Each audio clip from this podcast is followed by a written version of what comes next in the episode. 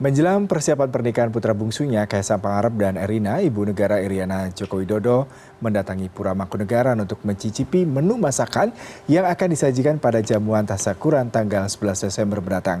Ibu Iriana datang bersama putri keduanya Kahiyang Ayu dan menantunya Selvi Ananda. Setibanya di Pura Mangkunegaran, ketiganya disambut kakak kandung Kanjeng Gusti Pangeran Adipati Aryo Mangkunegara 10 GRAJ Ansila Sura Marina Suciwo. Mereka kemudian menuju pendopo Mangkunegaran yang akan dipakai untuk acara tasyakuran. Acara kunjungan ini tertutup bagi wartawan, baik dari pihak Makpura Mangkunegaran maupun Ibu Negara tidak mengeluarkan pernyataan terkait kunjungan ini. Setelah melihat-lihat area pendopo, Ibu Negara menuju tempat jamuan makan untuk tamu undangan. Mereka kemudian mencicipi hidangan yang disajikan oleh catering Sono Kembang. Tadi yang banyak di ini incipi ibu negara apa? Ibu, nggih. Ini ya. Semua. Semua. Nggih.